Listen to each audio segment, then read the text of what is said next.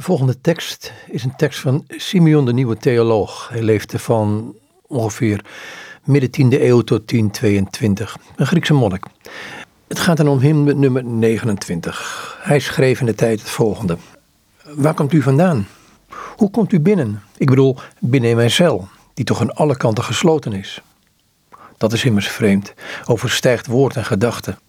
Maar dat u in mij komt, plotseling en helemaal, en dat u straalt, dat u zich laat zien in schittering, zoals de maan in zijn volle licht, dat ontneemt me mijn gedachten en ook mijn stem, mijn God.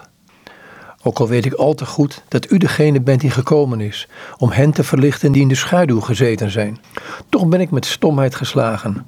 Word ik beroofd van zinnen en woorden bij het zien van zo'n vreemd wonder, dat al het geschapene overstijgt, alle natuur en alle woorden. Hoe bevindt God zich door zijn essentie en zijn natuur, door zijn macht en zijn heerlijkheid, buiten het universum? Maar hoe woont hij tegelijkertijd overal en in allen, en op bijzondere wijze in de heiligen? Hoe bivakkeert hij in hen, bewust en stoffelijk? Hij, die voorbij iedere stoffelijkheid is. Hoe wordt hij in hun schoot gedragen? Hij, die de hele schepping bevat.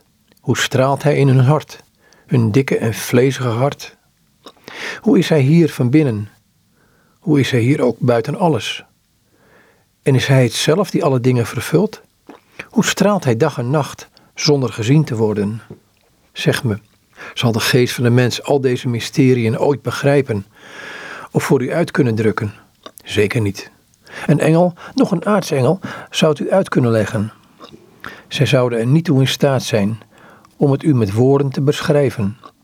Want het is Gods geest die, omdat Hij goddelijk is, als enige deze mysteriën kent. En Hij kent ze omdat alleen Hij de natuur, de troon en de eeuwigheid deelt met de Zoon en de Vader. Het is dus een hen voor wie deze geest zal stralen en met wie Hij zich gul zal verbinden, dat Hij alles op onuitsprekelijke wijze toont. Het is als met een blinde. Als hij ziet, dan ziet hij allereerst licht en vervolgens de gehele schepping dat in het licht is. Wat een wonder. Evenzo zal degene die door de Heilige Geest in zijn ziel verlicht is, onmiddellijk één worden met het licht en het licht aanschouwen. Het licht van God, waarlijk God, dat hem alles toont, of liever alles waartoe God besluit. Alles wat hij verlangt en wat hij wil. Aan hen die hij met zijn licht zal verlichten, vertrouwt hij toe om datgene te zien wat zich in het goddelijke licht bevindt.